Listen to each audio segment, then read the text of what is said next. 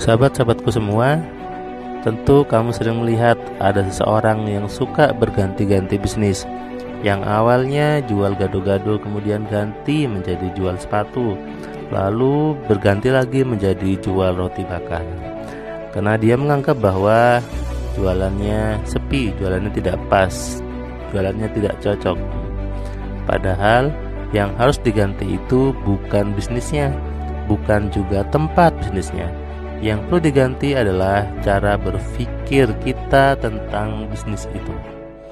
Banyak orang saat ini sibuk mencari bisnis apa yang cocok dengan dirinya, bisnis apa yang memiliki prospek yang bagus. Padahal sejatinya semua bisnis itu bagus. Sesungguhnya semua semua bisnis itu menguntungkan. Kunci utamanya adalah bukan terletak pada jenis bisnisnya,